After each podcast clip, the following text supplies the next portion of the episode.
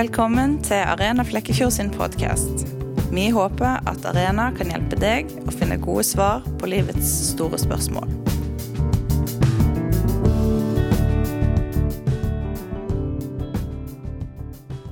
Da er det hjertelig velkommen til denne kvelden her. Eh, dere vet jo alle hvem jeg er, prest i Metodistkirka. Og eh, jeg skal jo ta og snakke om eh, et tema egentlig for å berge jobben min, så det er jo greit. Hvorfor trenger samfunnet kirka? Eh, så hvis jeg feiler her, så eh, ender jeg vel hos Nav i morgen. Det er jo greit. Eh, Tidligere temaene sånn her, har jo hatt veldig mye fokus på altså, hva som er sant. Dette med sannhet har jo vært mye tema. dette temaet i dag har òg en del om dette her, men er nok fokuset òg mye på ikke bare om det i forhold til sannhet, men spesielt er dette noe som er bra, eller er det noe som er dårlig, det som er temaet i dag. Altså, det er dette med kirka og det som kirka har bidratt med og bidrar med nå. Er det noe som er bra? Eller er det noe som ikke er bra for, eh, for oss i dag? Så Det er på en måte hovedvinklinga på det. Så jeg vil bruke en del tid på å se på hva Kirka har bidratt med samfunnsmessig, historisk og eh, i forhold til nåtida. Hva er det som kan være eh, Hvordan er det Kirka påvirker i dag, eller hva er målet for Kirka i dag i forhold til å bidra i samfunnet? Yes. Litt sånn bare sånn helt først, litt sånn definisjon om hva kirka er for noe. Hvis dere merker det, så sier jeg, alt, så sier jeg kirka som i entall. og Det er fordi at en har en forståelse av at selv om det er ulike, veldig mange ulike kirkesamfunn i verden, rundt omkring, i byen, spesielt her i Flekkefjord, så er det jo eh, kirke og bedehus nesten hvert hjørne. Til glede for mange, og kanskje til irritasjon for noen så er det tanken om at uavhengig om eh, hva kirkesamfunnet er, så står en sammen som ei kirke. En tilhører den samme kirka. Eh, og Spesielt så er det det at en eh, har en sånn læresetning som gjør at en står sammen om, om det. Det kalles for den nikenske trosbekjennelsen, som er fra Oldkirka. Så alle de kristne kirkene står sammen om det. Så en anerkjenner at en er del av den samme kirka, selv om en ikke lenger tilhører samme organisasjonen eh, nå. Um, og det, Kirka er primært ikke ei bygning eller en organisasjon, selv om det ofte er det vi forbinder Kirka med. At eh, nå skal jeg gå i kirka. Kirka ligger der. Kirka ut ifra en eh, bibelsk forståelse er at det er først og fremst de menneskene som er etterfølgere av Jesus Kristus. Og eh, det er da felle, i, som både enkeltindivider, men i fellesskap, at en utgjør da kirka i samfunnet. Og i det så er eh, Så er eh, Bibelen har en spesiell viktig rolle i forhold til kirkas påvirkning. For det, Bibelen er på en måte det som har eh, Bibelen er på en måte blitt til fra kirka. At det er personer, det er mennesker. Vi tror ikke at Bibelen er en bok som ble sendt ned fra himmelen, ferdig eh, printa. Men det ble skrevet over tid av folk, kristne folk som tilhørte den første kirka. Samtidig så er eh, Bibelen det som gir kirka sitt oppdrag, sånn at begge de to hører sammen på en ganske sånn, god måte. da. Eh, det betyr ikke at eh, Kirka alltid har gjort det som har vært etter Bibelen. og Den er på en måte en korrigerende faktor for eh, Kirka, eh, Bibelen. da. Så Når du snakker om Kirkas utvikling, så er det også samtidig at en snakker om Bibelens påvirkning på samfunnet. Så de to hører ganske nært sammen med hverandre.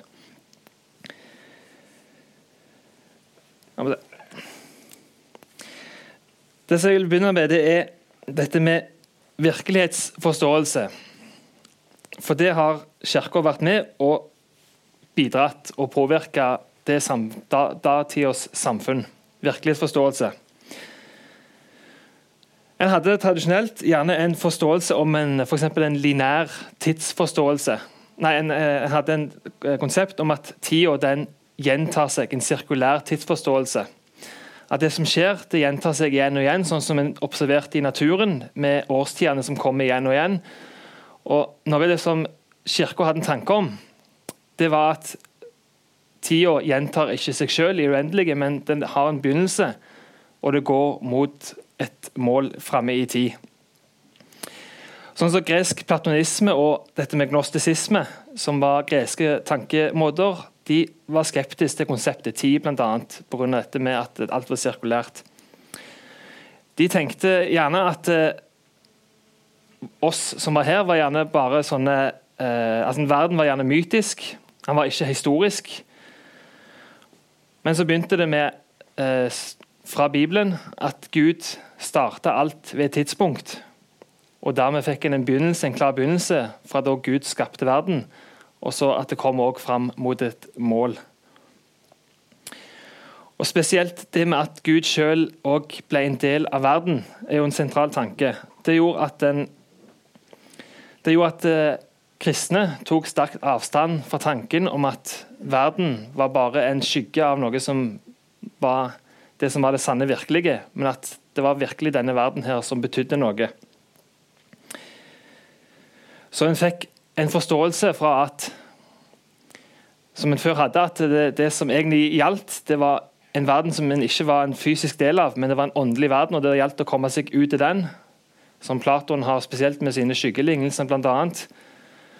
Mens kristne tenkte at denne verden er det, det sanne virkelige som Gud har skapt, som han òg er blitt en del av, og som han òg har skapt i utgangspunktet godt, selv om en kunne se det var veldig mye lidelse i verden, som òg var en av årsakene til at førkristen tanke så veldig negativt på verden pga. at det var så mye lidelse i den tilstanden og verden som de var en del av. Samtidig, så selv om det var Kirka som etter hvert kom med den tanken om at det kroppslige, det fysiske, var positivt, så var òg kirka lenge preget av den platonske tankegangen spesielt, om at eh, denne verden her er egentlig noe negativt. Og Det kan du også, eh, faktisk også se i noen eh, litt sånn, eh, ja, litt sånn gamle vekkelsessanger, som en kaller det.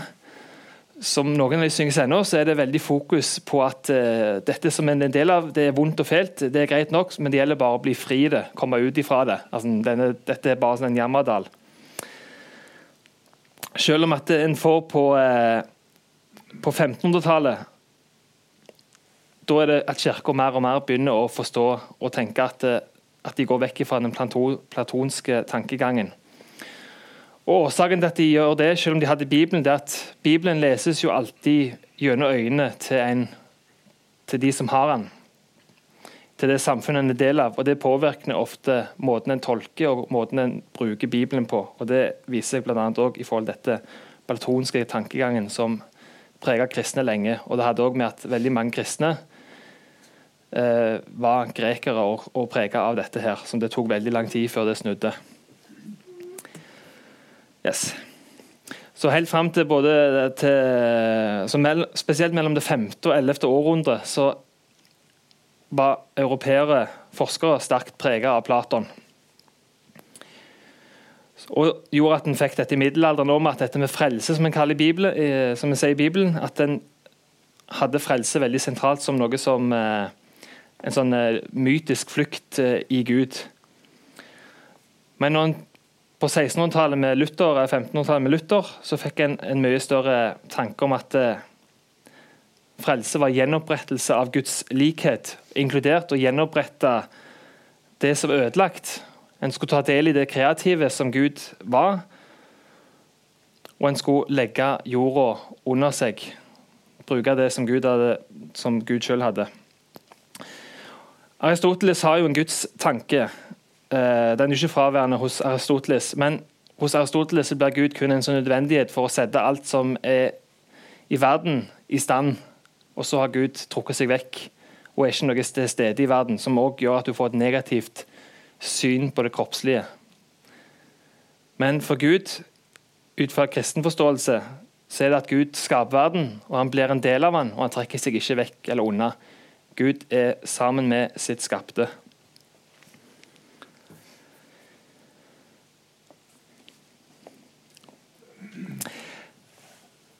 Utgangspunkt for vitenskapelige forsøk er det Kirka som stort sett har vært med å prege. Det er tanken om at universet er noe som en kan forstå. Vi har, fått noe, vi har fått en fornuft som gjør at vi kan forstå det. Og tanken om at det er godt for oss å forstå det. For Hvis det hadde vært sånn at universet ikke var rasjonelt, hvis det ikke hadde noen lover som en gud hadde satt i stand, noe fast, noe som en kunne gjenta og undersøke, så hadde det ikke vært mulig å gjøre undersøkelser. Men fordi en har en tanke om at en gud har eh, satt i stand det som eh, en er en del av, han opprettholder det, og at har et system som det følger, så gjør det at en gjør vitenskapelige og empiriske undersøkelser i det skapte i verden. For Hvis det hadde vært sånn at eh, hvis det som en er del av i utgangspunktet ikke er noe godt, og at det ikke er utgangspunktet virkelig, så hvorfor skulle en da undersøke det og gjøre undersøkelser i det? Og Det er det da Kirka påvirker tankegangen til folk med. For de antikke så var det mer når de skulle undersøkelser, var det mer et fokus på dette med å forklare verden ved bruk av intuisjon, ved bruk av logikk, ved bruk av mytedannelse.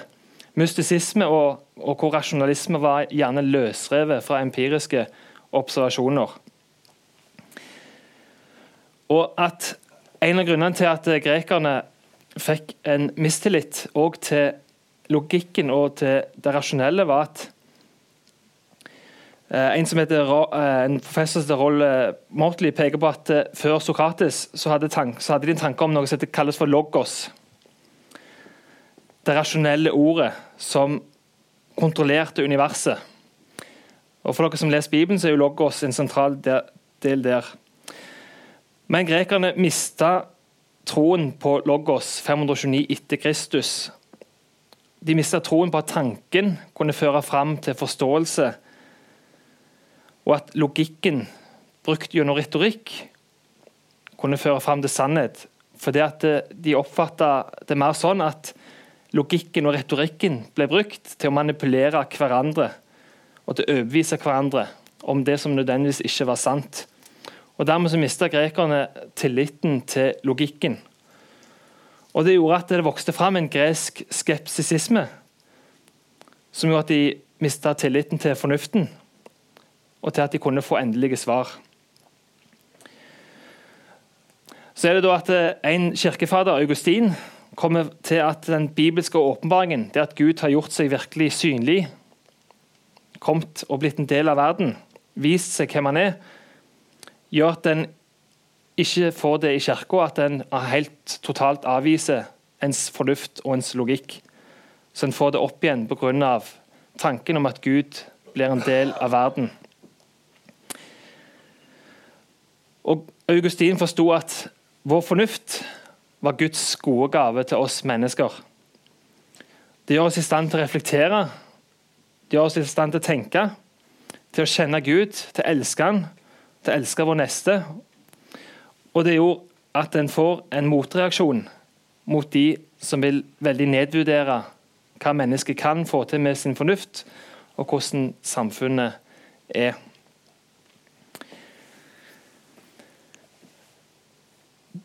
De kristne er jo ikke de første som utvikla vitenskap eller gjorde vitenskap. Men f.eks. kinesere, som veldig, var veldig frampå med det, utvikla samtidig aldri en vitenskapelig kultur. Fordi de slo det at det aldri var mulig. For de hadde ikke en tanke om en gud som hadde satt verden i system med lover og regler som en kunne følge og gjenta, observere og gjøre forsøk på. De mangla en gud som opprettholdt verden med lover. Og Det samme også med romerne og egypterne, indere, muslimer. At de gjorde veldig mange utrolige ting. Bl.a. matematiske utregninger og prinsipper fra bl.a. Eh, Arkimedes. Hipparchus, som var utrolig nøyaktige og imponerende fra de to første århundrene. Men til tross for at de utførte så utrolig nøyaktige eksperimenter, eller eh, utførte så nøyaktige eh, kalkuleringer, så etablerte de aldri en vitenskapelig kultur. Og det er først når han kommer til Isaac Newton, som selv var dypt kristen, at han får en veldig sånn eh, heliosentrisk teori, som han da bekrefter med empirien. Hvor han da forklarer ut ifra fakta, og ikke bare fra tanken, det som han observerer.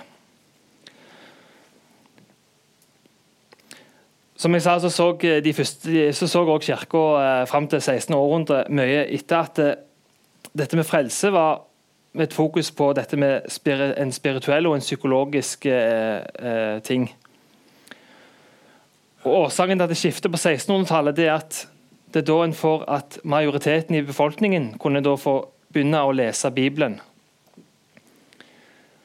For I mange hundre år så var det sånn at Kirka hadde oversatt Bibelen til latin, og så slutta de å oversette Bibelen. Og Latin var et språk som det ble kun en elite i eh, den overbefolkningen som snakket. Og det gjorde at en holdt vekke informasjon og kunnskap fra en stor del av befolkningen. Og Først er det når en får da Bibelen på sitt språk, at det motiverer til de største vitenskapelige gjennombruddene i menneskehistorien. En som heter Thomas Spratt, som var første historiker i The Royal Society of Science, han forklarte at fellesskapets mål som forskere det var å hjelpe og utruste mennesker til å reetablere og legge naturen under seg.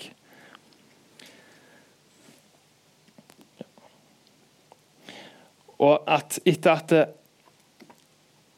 Martin Luther i reformasjonen kom, så skjedde det òg noe med universitetene som en hadde. Tidligere var det, mer, var, det mer, fokus på Platon, og de som studerte, hadde mest fokus på Aristoteles. Men med Luther så ble det en dreining fra Platon og Aristoteles mot Bibelen, hvor det ble hovedpensum på universitetene. Og en får tanken om at òg ved å studere naturen At naturen er en del av Guds bøker, som Gud sjøl har skrevet, lagt og holder sammen.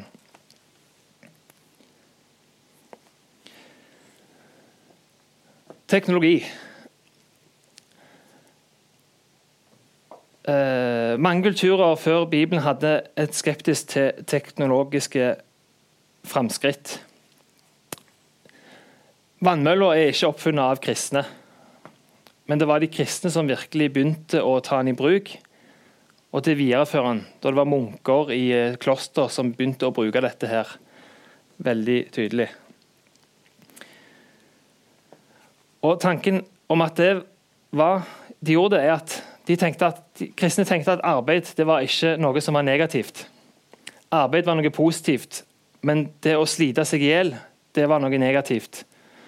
Så Hvis du kunne utvikle metoder for å gjøre arbeidet lettere for en selv og for hverandre, så er det en positiv ting.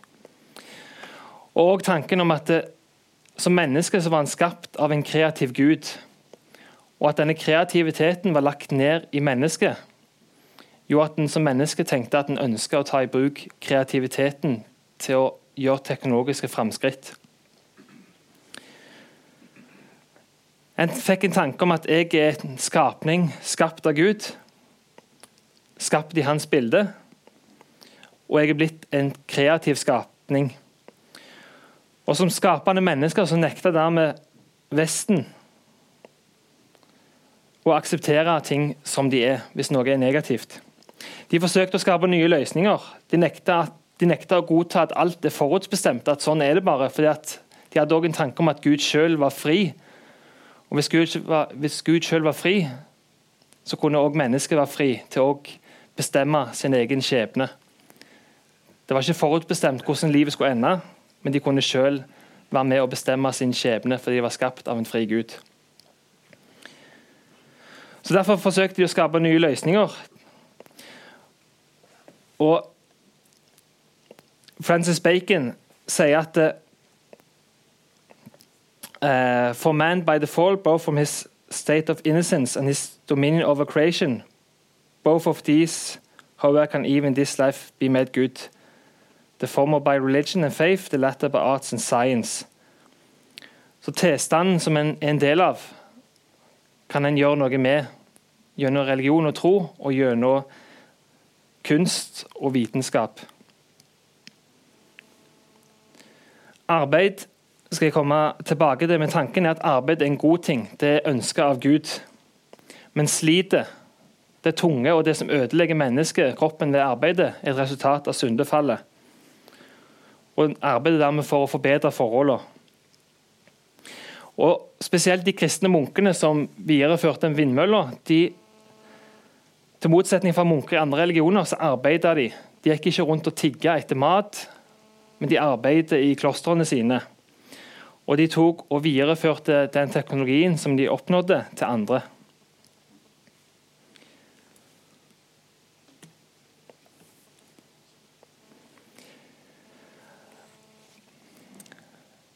Medisin har òg Kirka vært med å påvirke gjennom historien. En så på at som kirke så hadde en en tjeneste i verden hvor en gir seg sjøl for andre. Og En som het Sydenham han fornya den rasjonelle medisinen og utvikla den videre. Utvikla medisin ikke bare for rasjonelle eksperimenter og vitenskapelige og akademiske grunner, men han var en av de som utvikla den òg for Guds ære.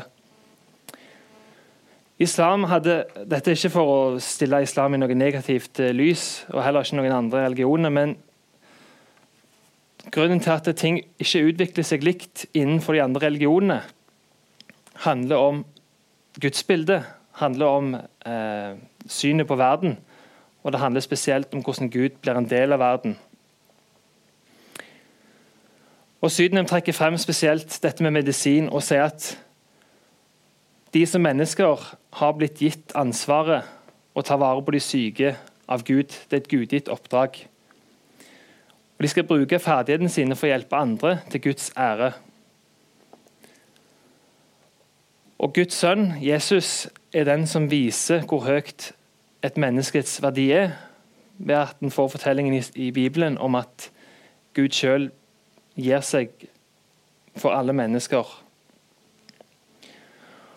Og så, har han òg alltid med seg at en skal være klar over at en sjøl står i fare for å havne der pasienten er.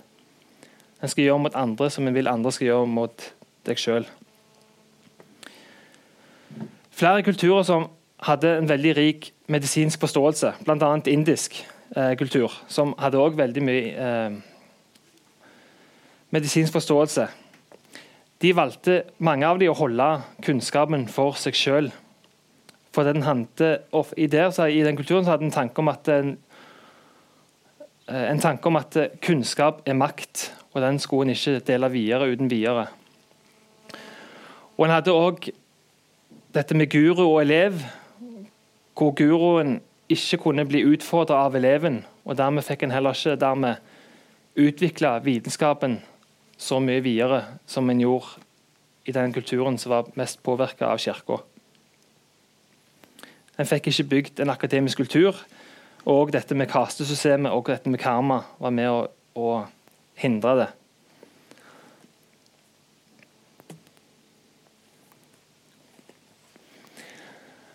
En som het Ernst eh, Beins, en forsker, sier at det er fire grunner som gjør at eh, teknologiske framskritt kommer spesielt fra dette med den jødekristne Gud.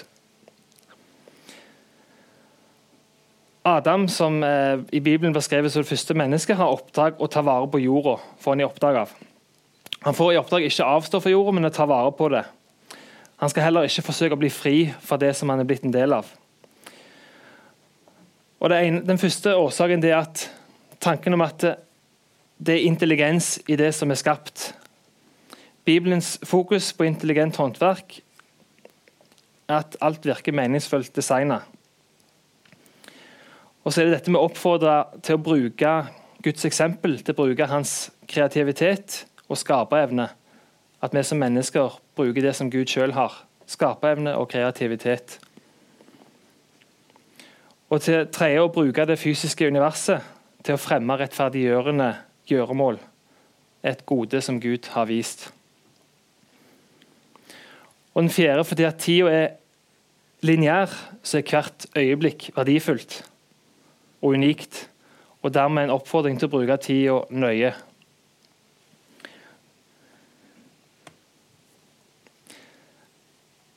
Når jeg sier kirka, så er det òg en forskjell i hvordan kirka i Vesten og kirka i Østen utvikler seg. Du får etter hvert en øst- og vestkirke, mye pga. at Romerriket blir delt i to, og kontakten mellom de to ikke blir lenger så sterk, men òg pga. uenigheter internt mellom de to. I Østkirka får du ikke de samme teknologiske framskrittene som du får i Vestkirka. Og En teori for han samme her det er at i Østkirka er en i større grad eh, påvirka av denne gre greske tankegangen og tolker verden ut ifra det, enn det en gjør i Vestkirka.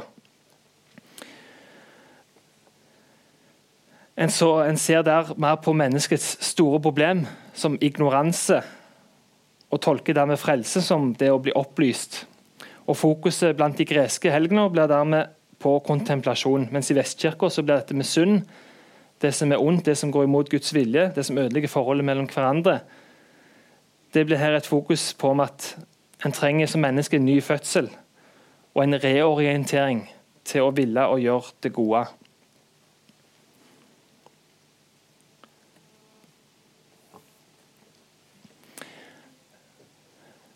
Utdannelse har Kirka påvirka òg i stor grad. Kristne var jo aldri noen av de som var først utdanne folk til å legge ut om kunnskap. Men Charles Hoskins punkterer at selv om grekerne og romerne var veldig gode til å skrive og var gode lærere, så var det ingen permanent institusjon, ingen bibliotek eller skolevesen som de etterlot seg. Og Først og fremst så overlevde læring i klostervesenet gjennom middelalderen. Før de begynte å bygge katedraler og starte skoler for å trene behovene ved de kristne institusjonene. Og Det mest innflytelsesrike pensum var fra middelalderens Augustin, de doktrina Christiana. Og Her lærte han at alle vitenskaper gjort kjent av hedenske vitenskapsmenn, var betydningsfulle for å tolke Bibelen. Og Det gjorde at en fikk et ganske rikt landskap med kunnskap som en tok til seg.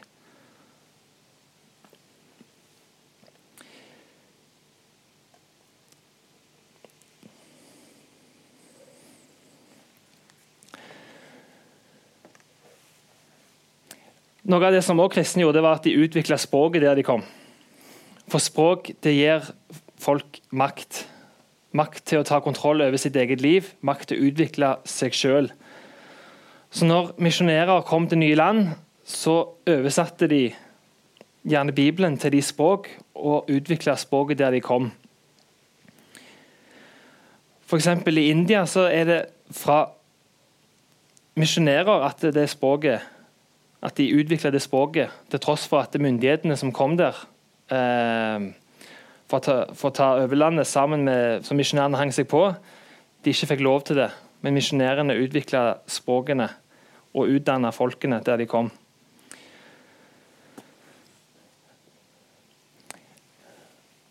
Um, muslimer tok jo òg med seg språket der de kom når de erobra nye land. De tok jo med seg språket og religionen og kulturen. Men forskjellen der at de trodde at Koranen måtte kun leses på arabisk. Og Folk måtte derfor lære seg arabisk. og Dermed var ikke de så opptatt av å utvikle språkene til de folka de kom til. Og Derfor utvikla aldri islam språket. Men det var bibeloversettere som oversatte og utvikla språk òg i muslimske nasjoner. Utvikla språk som urdu i Pakistan, og bengali og Bangladesh, for Bibeloversettere visste at dette var måten at et folk kunne utvikle seg på. Så uten å kunne språk og utvikle det, så kan heller ikke folket utvikle seg. Og William Wilberforce og Charles Grant, eh, spesielt William Wilberforce er jo kjent eh, som en av de som eh, kjempa mot slaveriet. Han prøvde jo i over 20 år for å overbevise det britiske parlamentet om at det her East Indian Trading Company, som var i India, at de skulle bruke 100 000 rupier hvert år på å utvikle og utdanne indere, som han fikk nei til. Og George Whitfield, som, er, som var en eh, sentral person i en amerikansk vekkelsesbevegelse, som var på 1700-tallet. Han starta universiteter i Pennsylvania.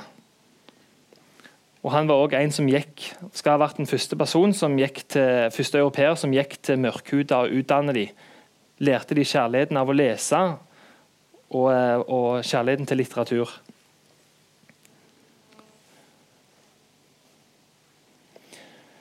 Og I forhold til han siste, John Wesley, så er han metodismens grunnlegger. og Han skal ifølge det Encyclopedia Britannica i, på 1700-tallet ikke vært noen som har delt og gjort litteratur så tilgjengelig for folk eh, på en billig måte da han eh, levde. Så det å utdanne har vært en utrolig sentral del av eh, Kirkas arbeid, og fortsatt er det.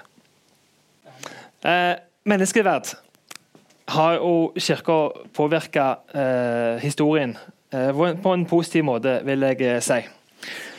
Jeg har jo i, i Bibelen og fra Kirka en tanke om at menneskeverd er en absolutt verdi som er gitt fra Gud. Og Hvert menneske har dermed en absolutt rett som ingen andre mennesker kan ta fra en annet menneske. For det er Gud som står utenfor mennesket, som har gitt mennesket verdi. Uten Gud som kan jo dette med menneskeverd Da blir det jo noe som en i fellesskap som mennesker blir enige om at sånn er det. At vi ser på verdien til et menneske. Fellesskapet tar og bestemmer det. Men det er da ikke en ubestridelig rett som absolutt ingen kan ta fra et menneske. For hvis et fellesskap mennesker bestemmer, kommer fram til en type verdi på et menneske, så blir det den verdien som blir satt. Og Fellesskap mennesker kan jo være forskjellige. Eh, I fellesskap så kan jo for Et fellesskap kan jo se at en gruppe mennesker er mindre verdt enn en andre. Og Da blir det jo dermed den subjektive preferansen som er avgjørende for menneskeverdiet, framfor den objektive, altså Gud som står utenfor, som gir en absolutt rett og verdi. Eh, det er ingen tredjeinstans som er å kontrollere mennesket.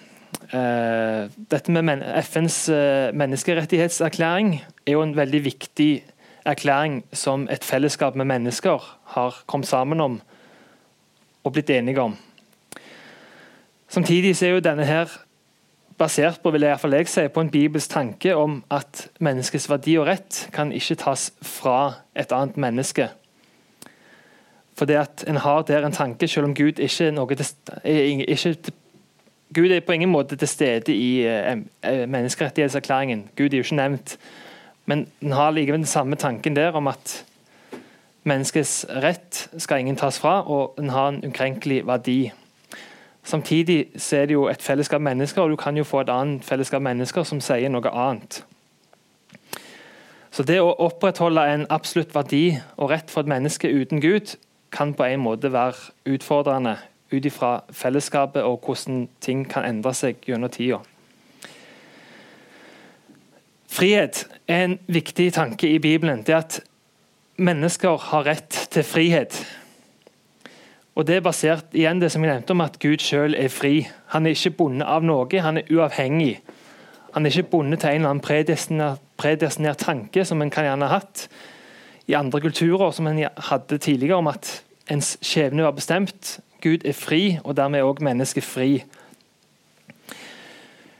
Undertrykkelse og slaveri er ikke et, noe som er fra Guds vilje, det er et uttrykk for menneskets ondskap og ødeleggelse mot hverandre.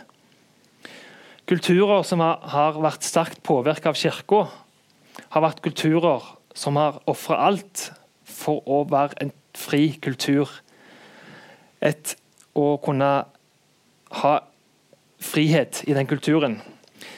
Eh, og Det er det jo mange kulturer og eksempler på. og Fortsatt i dag så er det jo en kamp for mange å få ha frihet. Eh, Hongkong nå sist, og blant de som er i Hongkong, så er det jo mange pastorer som har vært blant lederne i den opprørsbevegelsen som nå eh, ligger såpass eh, er såpass pressa nå av eh, Hongkong og kinesiske eh, styresmaktene. Um, Bibelen oppfordrer til å forandre samfunnet. John Wesley, som levde på 1700-tallet, han mente at Bibelen krevde en forandring av mennesket i samfunnet. 13 år før at slaveriet ble oppheva i England, så kjempa og skrev han et, eh, et, et, et skriv om, om, hans tanker om slaveri. og Der gjorde han det klart at Bibelen fordømte slavepraksisen som var blitt så utbredt i de koloniene som England hadde lagt under seg. Og Wesley han opprettholdt eh, kampen mot slaveriet fram mot døden sin. og Det siste brevet han skrev før han døde, det var et brev til William Wilberforce, som var jo i det engelske parlamentet, som kjempa for å få innført et forbud mot slaveriet. Så kirka var jo absolutt sentral der, selv om du Selv om vi vet jo at det var òg folk med Bibelen i hånda som gjerne hevder at den mørke rasen var underlegen den hvite, og at det var gudvilla. Men kirka, William Wilberforce, Wesley og andre kjempa mot dette. Og i USA så var det eh, eh, altså En kristen vekkelsesbevegelse, den andre vekkelsesbevegelsen som ble kalt det, som er leder av forkynner som Charles Finney, Lyman Beecher og hans sønner og datter Harriet, som bl.a. skrev onkel, Bens, eh, onkel Toms uh, hytte, som jobbet mot rase, mot slaveriet og raselover. Og En av de store uh, personlighetene i den amerikanske kampen mot raseskillet som en fikk, dessverre var jo dr. Martin Luther King, som selv var baptistisk pastor, som brukte Bibelen og hans Guds bilde for å kjempe mot dette skillet som hadde oppstått, hvor en så på mørkhudede som mindre verdt enn hvite. Familien har òg blitt påvirka av, av eh, kirka. Det er en tanke om at familien representerer Guds bilde. Mann og, og kvinne til sammen utgjør Guds vesen. Gud er jo i Bibelen verken beskrevet som ett kjønn. Han er begge kjønn kommer fra Gud. Så Det er òg en oppløftning av kvinnens verdi. Og I familien som handler det om å gi hverandre i kjærlighet. Det handler ikke der om egoisme, men det handler om å tjene hverandre. I ekteskapet så er menn og kvinner likeverdige. De er likeverdige. Ehm, samtidig så er det en tanke om at begge de to i ekteskapet er ikke perfekte, men de er preget av det som kalles synd. Det gjør at vi som mennesker ikke greier å leve fullkomment og godt med hverandre, og det er viktig å anerkjenne for at et ekteskap skal fungere godt. Man blir i Bibelen omtalt som familiens hode, som en del feminister ikke liker. Men Det nye testamentets definisjon på dette med ledelse, det er tjeneste. Ledelse er tjeneste i Bibelen. Årsaken til at den eh, og at For at hele tatt to stykker som er synder skal kunne fungere, så er det en som har, en autorativ rolle. Og En kan litt sånn sammenligne det med et orkester, hvor du har gjerne en dirigent og en som spiller på trommer. Det at det er en som er dirigent, betyr ikke at dirigenten er mer verd enn trommisen. Men det at en er dirigent, tar den autorative rollen, det gjør faktisk at trommeren blir en mer effektiv musiker. Kvinner vil jeg si, har blitt påvirka positivt fra kirka. I den romerske kulturen var det gjerne vanlig for mange menn å ikke gifte seg, og heller være i utenomekteskapelige forhold eller homoseksuelle relasjoner. Og Det var òg en tanke blant mange at kvinnen var et resultat av et mislykka forsøk på å lage en mann. Kvinnen ble opplevd i mange eh, kretser der som, mannen, som kun mannens jord, hvor han skulle da så sin sæd. Og For mannen så var det viktig å kunne realisere en ny mann som kunne plante, som kunne plante videre. Og Det blir òg en allmenn teori gjennom middelalderen. Innføring av kristendommen krevde at menn skulle være trofast mot kona si. Til døden skiller de. Enkle skilsmisser fordi en var misfornøyd med sida ved kona, eller en så en annen som kunne potensielt være bedre, var ikke lenger akseptabelt. Og heller ikke muligheten for å ta ekstra koner. Det var heller ikke mulighet, det var heller ikke tillatt i utgangspunkt for mannen å hate eller behandle kvinnen dårlig. Og kvinnen blir dermed gitt en ekstra rettighet og blir løftet opp i samfunnet. Kvinner har grunnleggende rettigheter og ære som skal tas vare på. Barn og, blir også påvirka av kirka. De greske filosofene Platon og Aristoteles de kunne anbefale barnedrap som en legitim og statlig politikk. Og Den tidligste romerske statlige loven, eh, tolv tabeller, tillot fedre å overlate f.eks. jentebarn til elementene. Og de som var handikappa eller så ut annerledes enn andre. En, I en utgravning av en romersk villa utført av en som heter Lawrence eh, Steiger, så ble det oppdaga i kloakken der menneskebein som skal ha tilhørt over 100 små barn, som ble antagelig, antagelig kasta og drept i kloakken.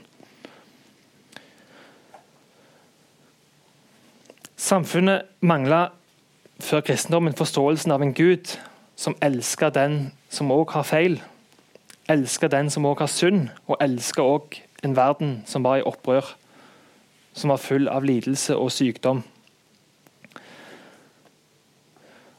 Og Fortsatt er det et problem i kulturer i kulturer i dag, ikke-kristne kulturer, hvor de ser på jenter spesielt som mindreverdige hvor de blir etterlatt til å dø. Og i Norge, før kristne kom inn, så var det en vanlig praksis å sette barn ut i skogen. Og Det var noe som ble slutt på ved innføringen av kristendommen. I dag, hvor kristentroen er på vei tilbake, så er det jo også samtidig en, så er det jo en mennesketype som er i fall her i våre kretser, på vei til å bli utrydda. Mennesker med Downs blir det jo færre og færre av, i og med at de blir systematisk oppdaga og blir tatt abort på. Så er det da om dette er en positiv eller en negativ eh, ting som skjer når Kirka mister fotet i samfunnet. Eh, en organisasjon som heter Transparency International er en tysk og ikke-statlig organisasjon som gir, gir liste over land som er minst korrupte. Og faktisk Over de minst korrupte landene i, i verden så er det de som starkt, har vært sterkt påvirka av protestantisk eh, kristendom. Eh, sekulære, mange av de, er jo sekulære stater i dag, men de blir forma av kirka og Bibelen. Og Eneste landet som ikke, den, som ikke har blitt det, som er på den topp, 10-lista her, er jo da Singapore, som er en bitte liten stat. Så Årsaken de sier det, jeg, er for å se at moralen har blitt påvirka av kirka gjennom historien. Kirka og Bibelen lærer at Gud han er den ultimate dommer. Han observerer alt det vi gjør, en kan unngå rettsvesenet og en kan eh, unngå en rettferdig domstol i denne verden, men Guds domstol kan en ikke unngå.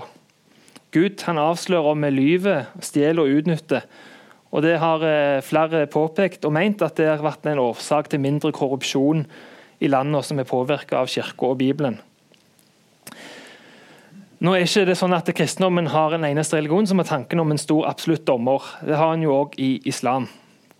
Men forskjellen er der at Allah er for majestetisk til å selv bli født inn i denne verden. Og Hvis Gud dermed ikke kommer inn i denne verden for å selv frelse syndere, da må det være opp til andre syndere, som kan være diktatorer og tyranner, å måtte utføre møkkarbeidet med å begrense vår syndige natur.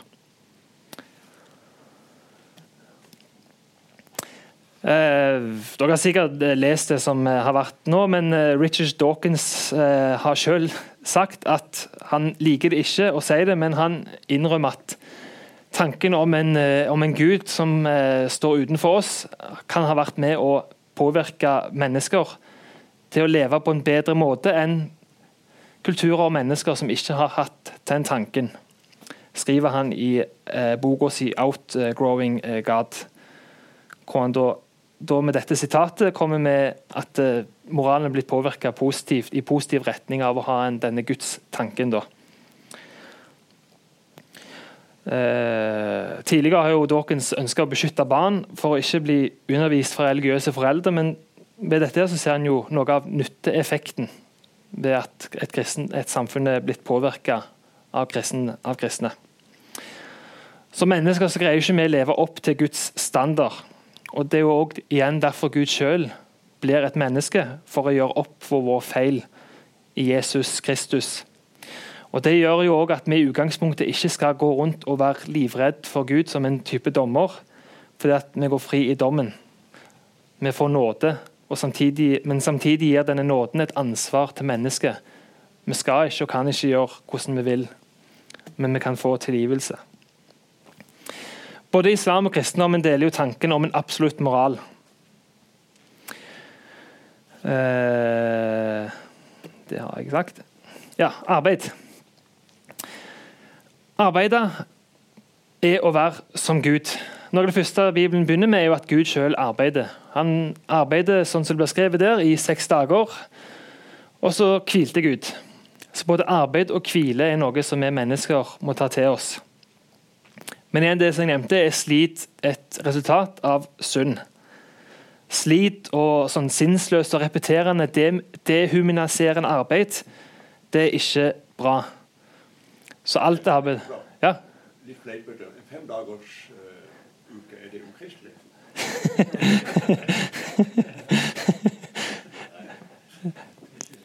Hva vil du si? nei, nei. Han vil du skal jobbe en ekstra dag. Ja, ja.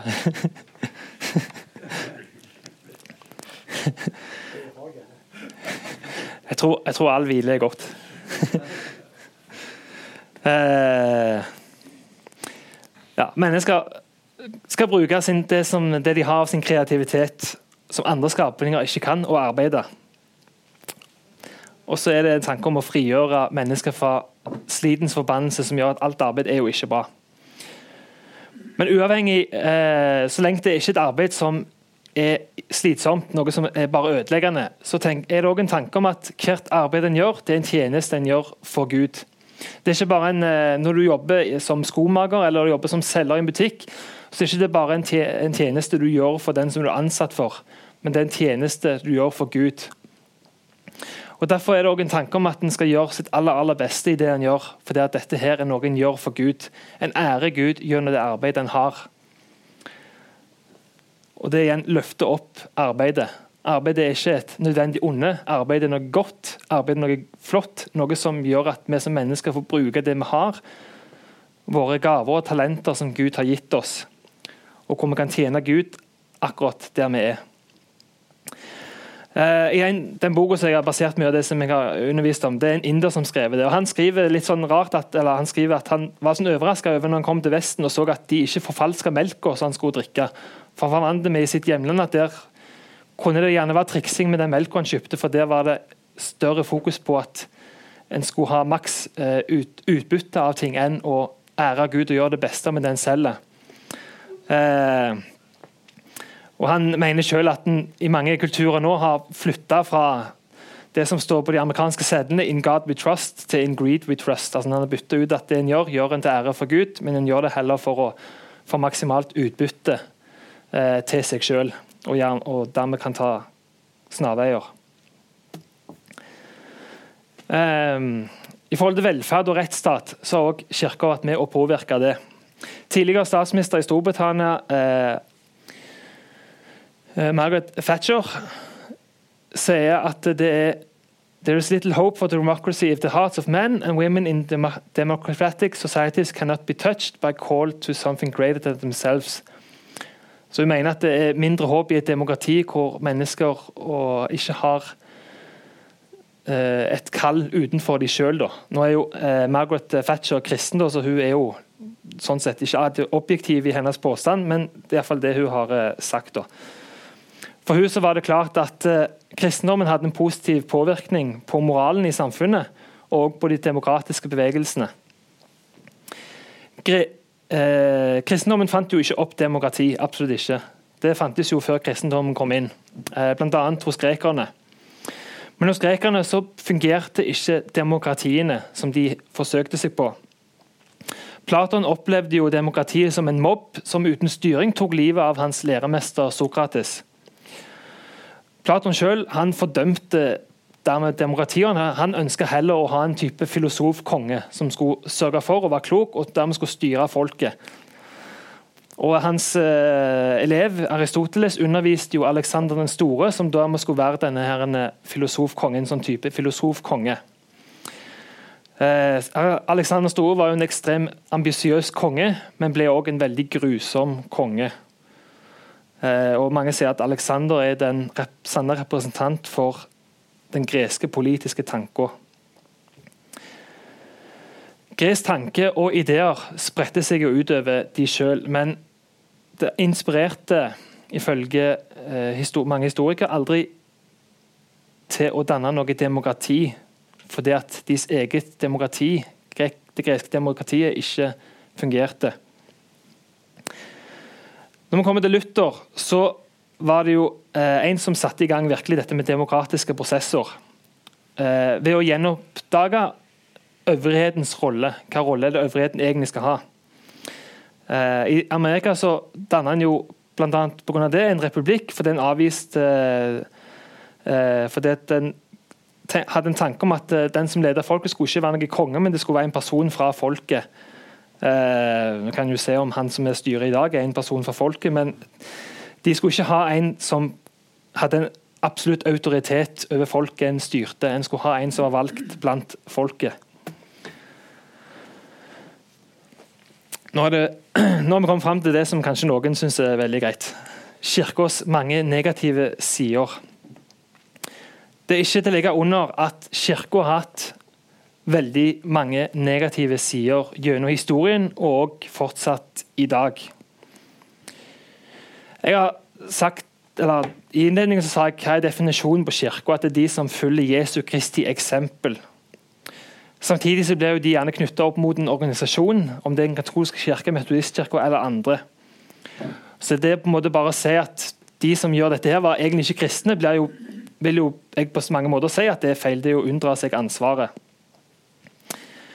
Men kirka er jo de som skal, ut, som skal gå Jesu Kristi eksempel. Etter Romerriket kollapsa, så ble det et maktvakuum som kirka tok til seg. Paven tok makta som keiseren hadde hatt. Paven ble en autoritet som ingen kunne si noe imot. Og keiserne før ble jo tilbedt som Gud. Og Det førte til store maktmisbruk. En lot seg prege av en herskertanke som en hadde fra Romerrikets tid, som ikke i utgangspunktet er forenlig med Bibelens lære. Og Maktbruksbruket ble bl.a. brukt til korstog, og hvor en tok territorier med makt. Og en ting som jeg har nevnt tidligere, at Dette med språk gir jo folk makt, mulighet til å gjøre noe med situasjonen. Kirka holdt språket vekke fra folket for å opprettholde sin makt. Latin, som Bibelen ble oversatt til, ble ikke oversatt på veldig, veldig lang tid. Selv om, har, selv om i det, tanken igjen dette med Jesus blir et menneske, så ligger tanken om at en alltid skal kunne oversette Bibelen. Så av en eller annen grunn, om det var påvirkning av islam eller hva det var, så valgte de ikke å oversette. Og for at de kunne opprettholde makta. Det, det ble så alvorlig når noen forsøkte å oversette Bibelen at kirka faktisk henretta sine egne. Første samling som vi hadde her om dette med tro og vitenskap, så var det, er det motsetning mellom tro og vitenskap. og Vi prøvde jo å se at det ikke er det. Men de, de som kirka først og fremst forfulgte og tok livet av, det var pga. Uenigheter om Gud, uenigheter om Bibelen. En som het John Wyclef, forsøkte å oversette Bibelen til engelsk. Det ble ikke godtatt, og han ble dermed brent. Og En som heter Giordano Bruno, fra, 15, som levde på 1548 til 1600. Han er ofte blitt hevda å bli drept pga. vitenskapen han utførte, men han ble drept pga. Kirka opplevde at han drev med spekulativ eh, og immanent filosofi om verdens sjel, altså, hvor han hadde en tanke om en, eh, verden, en, en uendelig antall verdener som ikke hang sammen med kirkas lære, og dermed tok en livet av han. Og Kirka tok jo òg, og, eh, etter, og etter reformasjonen så forfulgte en jo baptister. Og tok livet av mange av de. Og etter at en ja. Og en negativ ting som uh, har nevnt, statskirkesystemet. Som tvang folk inn i kristendommen og dens måte å leve på. Uh, selv om en gikk vekk ifra uh, etter den katolske kirke etter reformasjonen så fikk en allikevel statskirker. Og For å holde fast på folket i den, i den plassen hvor fyrsten eller kongen var, så var det at de skulle tro og, le, og tilhøre religion. Altså de brukte det som et, eh, en måte å samle folket sitt på. Og Det fikk veldig store konsekvenser hvis en ikke fulgte. Så Alle skulle dermed døpes og konformeres. Og Hvis ikke, så hindra det ens person hindra den i samfunnet i, i å delta fullt ut. Um, og En negativ side ved det at mange tenkte kanskje at jeg var fordi jeg er døpt, så er jeg kristen, så jeg har ikke noe så mye å bety hvordan jeg lever livet mitt. Og det senere at en får en oppdagelse igjen av Bibelen at selv om en er døpt, så har en et ansvar i forhold til hvordan jeg lever livet mitt. Så så Dåpen er ikke nok, men òg etterfølgelsen og hva en gjør med det en har fått i dåpen. Um, jeg vil jo si selv at dette med kirka og statens makt, som en fikk en sammenblanding av eh, etter Romerrikets fall, er noe som ikke skal og bør være. Kirka kan og bør rette lyset mot negative sider i samfunnet. Det skal de kunne gjøre. Og ting som de oppfatter negativt, Samtidig som de helst ikke bør knytte seg til verken politiske, spesifikke politiske partier eller styreledere, eh, som en har gjort eh, som en tabbe i ja, Egypt og i USA. så er det gjerne ofte eh, det i valgkampene. Og Staten skal kunne si fra om negative sider i kirka. Samtidig så syns jeg òg at dermed at kirka og staten bør være totalt uavhengige av hverandre. Eh, systemet i Norge i dag, som en fortsatt har, selv om en ikke lenger har en statskirke, hvor en får en type eh, ja, refusjon for momsen en har, altså i form av en type statsstøtte, er ikke en god ting, vil jeg si. Og fordi at staten da kan bruke dette som en type pressmiddel eh, mot kirka. Kirka skal opp skal følge eh, statens lover. De skal respektere lovene i landet. Det er en bibelsk tanke. At ordningen med at noen andre enn kirka styrer, er en gudgitt ordning. Så kan det jo være eh, det jo være systemer som, eh, som er skadelige, og det fikk en jo bl.a. med nazismen. Hvor kirka der, selv om de var en statskirke, hvor prestene der la ned sine embeter fordi at de så at nazistene gikk over den maktbruken som en stat skulle gjøre. Um, en siste ting. Skadelig karismatikk er jo et problem som er fortsatt i dag.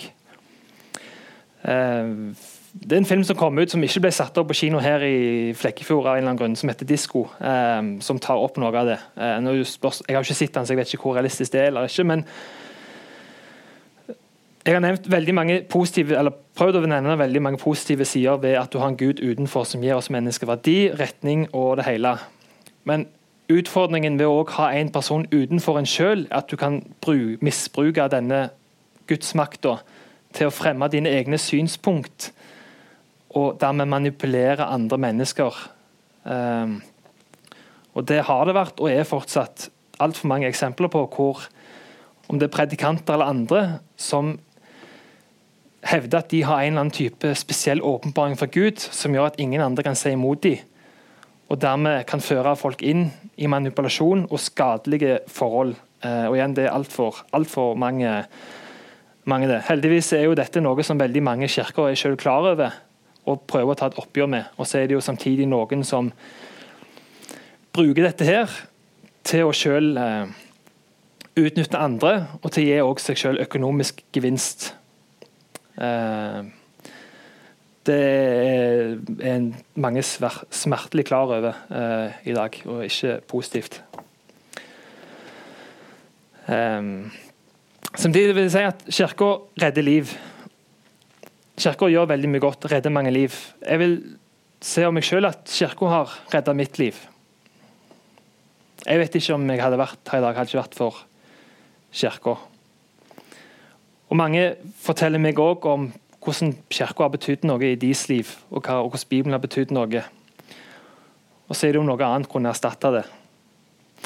Erik Solheim, som er tidligere miljø- og utenriksminister eh, i Norsk bistand, han har sagt at ut ifra nestekjærlighetsprinsippet fra Bibelen, så mener han å se at det er ofte kirka som har det beste hjelpeapparatet og evnen til å nå ut til folk som trenger det, hjelp. Og Det er veldig mange gode organisasjoner som deler ut mat og gjør mye godt her i Flekkefjord. Englevakten, Frelsesarmeen eh, er jo blant de.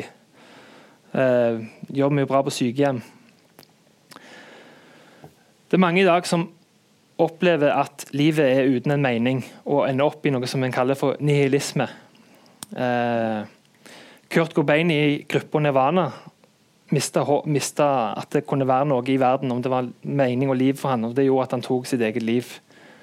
Og Dessverre er det veldig mange som følger hans eksempel, at de bare søker å bli fri fra denne verdens lidelser ved å gjøre slutt på det. For de finner ikke en mening. Um, hva er det Kirka skal gjøre framover for at det skal ha en positiv effekt på samfunnet? Det vil jeg si å følge det som er Jesus sin programtale, det som Jesus arbeider etter. Skal Kirka ha en positiv effekt på samfunnet, så er det å følge dette her. Og så En siste ting det er jo at i forhold til språk hva skulle en gjort med det norske språket hadde ikke vært for Kirkas påvirkning?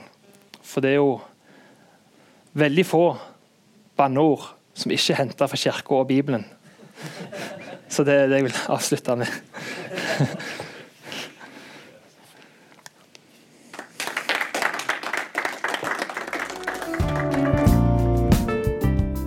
For at du hørte på dagens episode. Hvis du vil vite mer om Arena, kan du finne oss på Facebook. Der heter vi Arena Flekkefjord.